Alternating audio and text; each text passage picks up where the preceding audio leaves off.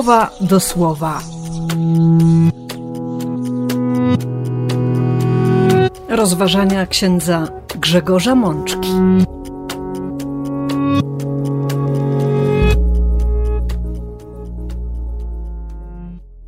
Siódma niedziela zwykła, rok A.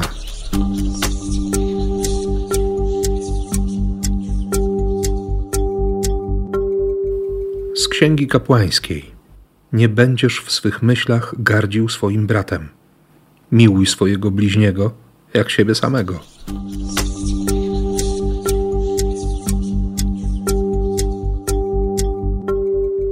Z Psalmu 103. On bowiem jest litościwy dla wszystkich Twoich występków. On leczy wszystkie Twoje choroby.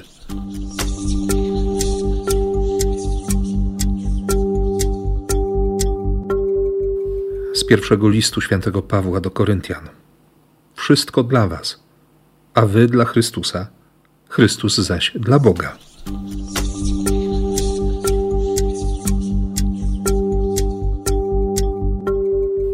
z Ewangelii według świętego Mateusza. Wy zatem będziecie tak doskonali, jak doskonały jest wasz Ojciec Niebieski.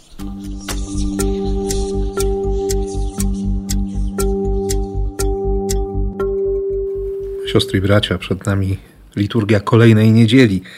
Ostatnia niedziela karnawału, jednocześnie początek 56 tygodnia modlitw o trzeźwość narodu a Bóg jak zwykle przychodzi do nas ze swoim słowem. Dziś to słowo brzmi w sposób niezwykle wymagający, bo przecież na początku XIX rozdziału Księgi Kapłańskiej przeczytamy: Bądźcie święci, bo ja, Pan, Wasz Bóg, jestem święty. Bądźcie święci, czyli oddzieleni, wyjątkowi, nie z tego świata. Bądźcie tacy, bo ja jestem święty. Pan, Wasz Bóg w tekście hebrajskim znajdujemy tutaj słowa, które mówią o, o relacji, o, o bliskości. Słowa, które przedstawiają Boga jako tego, który przyznaje się do swojego ludu, który go bierze w opiekę, w obronę, który chce być jak najbliżej. To nie jest Bóg daleki. To nie jest ktoś, kto nie zauważy mojego istnienia. Setki lat później prorok Izajasz będzie cytował Boga, który przypomni narzekanie Izraela. Syjon mówił: Pan o mnie zapomniał, opuścił mnie. Bóg jest Bogiem bliskim. A ponieważ jest mu bliski każdy człowiek, to w kolejnych zdaniach, które są swoistym przekazywaniem praw obowiązujących Izraelitów, pojawia się też to polecenie: Nie będziesz w swych myślach gardził swoim bratem. Miłuj swojego bliźniego jak siebie samego. Analogia do ubiegłotygodniowej Ewangelii jest oczywista. To pokrewieństwo, ta bliskość tego, co mówi Jezus i tego, co zostało zapisane w Księdze Kapłańskiej. Bo rzeczywiście Chrystus chce wyjaśnić prawo, chce je wypełnić, pokazując, że to prawo jest możliwe do zrealizowania i że sensem prawa, jego fundamentem jest miłość nie tylko nie będziesz się zachowywał w sposób pogardliwy wobec swojego brata, wobec swojego bliźniego, ale nawet w swoich myślach nie będziesz nim gardził. Nie będziesz go odsądzał od czci i wiary, nie będziesz go poniżał. Siostry i bracia, jeśli zrobić sobie bardzo szybki rachunek sumienia, to no właśnie, nie trzeba wielu słów, trzeba zmiany myślenia. I Bogu dzięki, że zaczynamy kolejny Wielki Post. Że znów Bóg we wspólnocie Kościoła stworzy nam o wiele bardziej sprzyjające warunki do tego, żeby, żeby przyjąć nawrócenie, żeby usłyszeć raz jeszcze o modlitwie, o poście, o jałmużnie, żeby nie bać się kochać. Nie garć swoim bratem, ale napominaj bliźniego. Niech Twoja ręka nie mści się. Nie chowaj gniewu do synów Twojego ludu jak to słowo spełnia się w nas, w naszym życiu, w naszym myśleniu, w naszym postępowaniu, w naszych relacjach, w tym, jak traktujemy siebie nawzajem. Wystarczy przecież spojrzeć na scenę polityczną od prawa do lewa. Wystarczy spojrzeć na nasze środowiska, sąsiedztwa, na rodziny. Ale nie wolno załamywać rąk.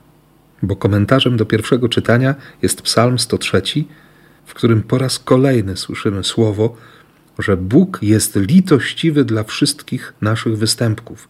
On leczy wszystkie nasze choroby. On nasze życie ratuje przed zniszczeniem. On nas otula swą troską i miłosierdziem.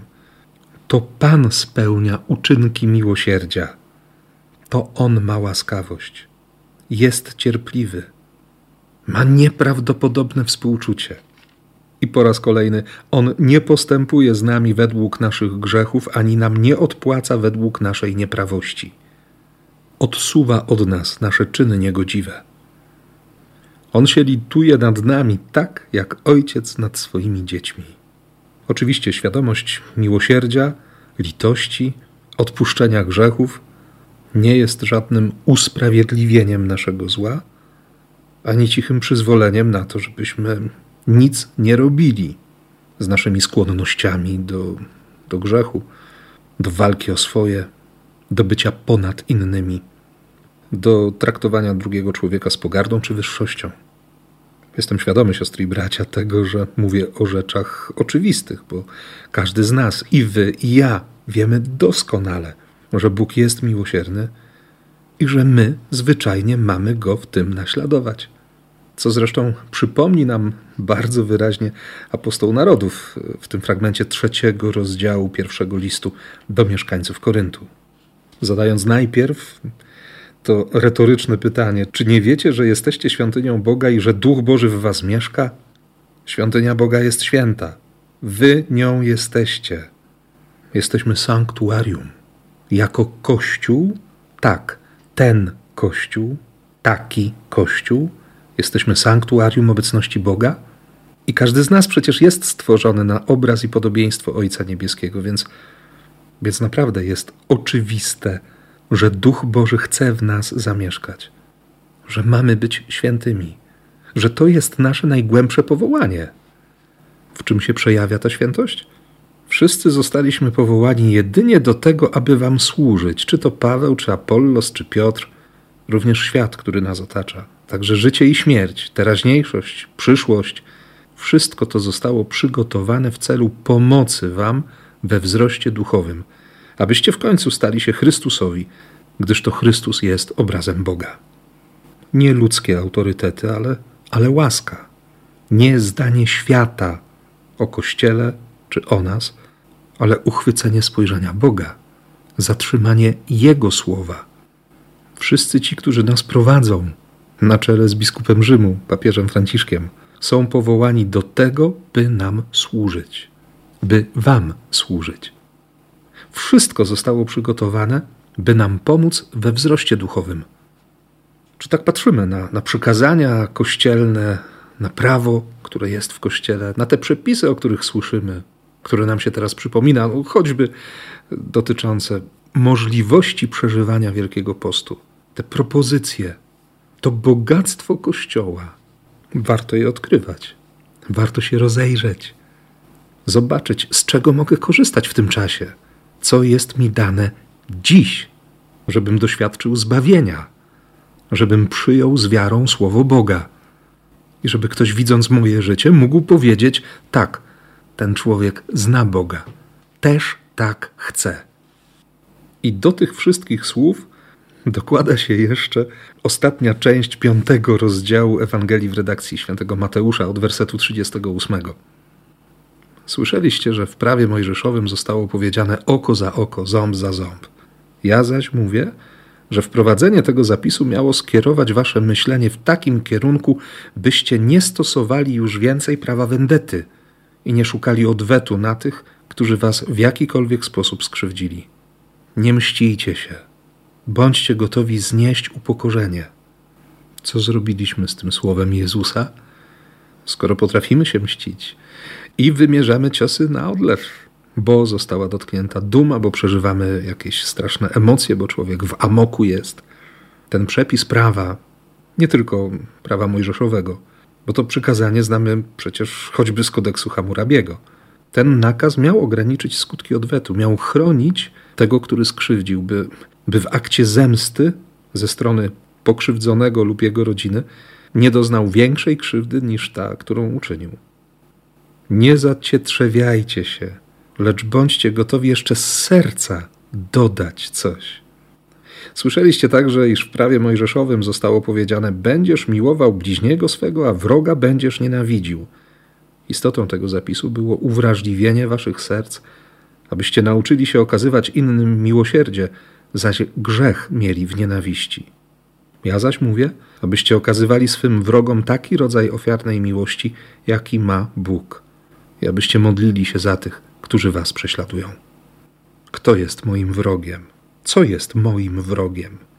Kiedy ja jestem dla siebie wrogiem, przecież wiele razy chcę sobie stworzyć niebo po swojemu, na własnych warunkach, według mojego pomysłu.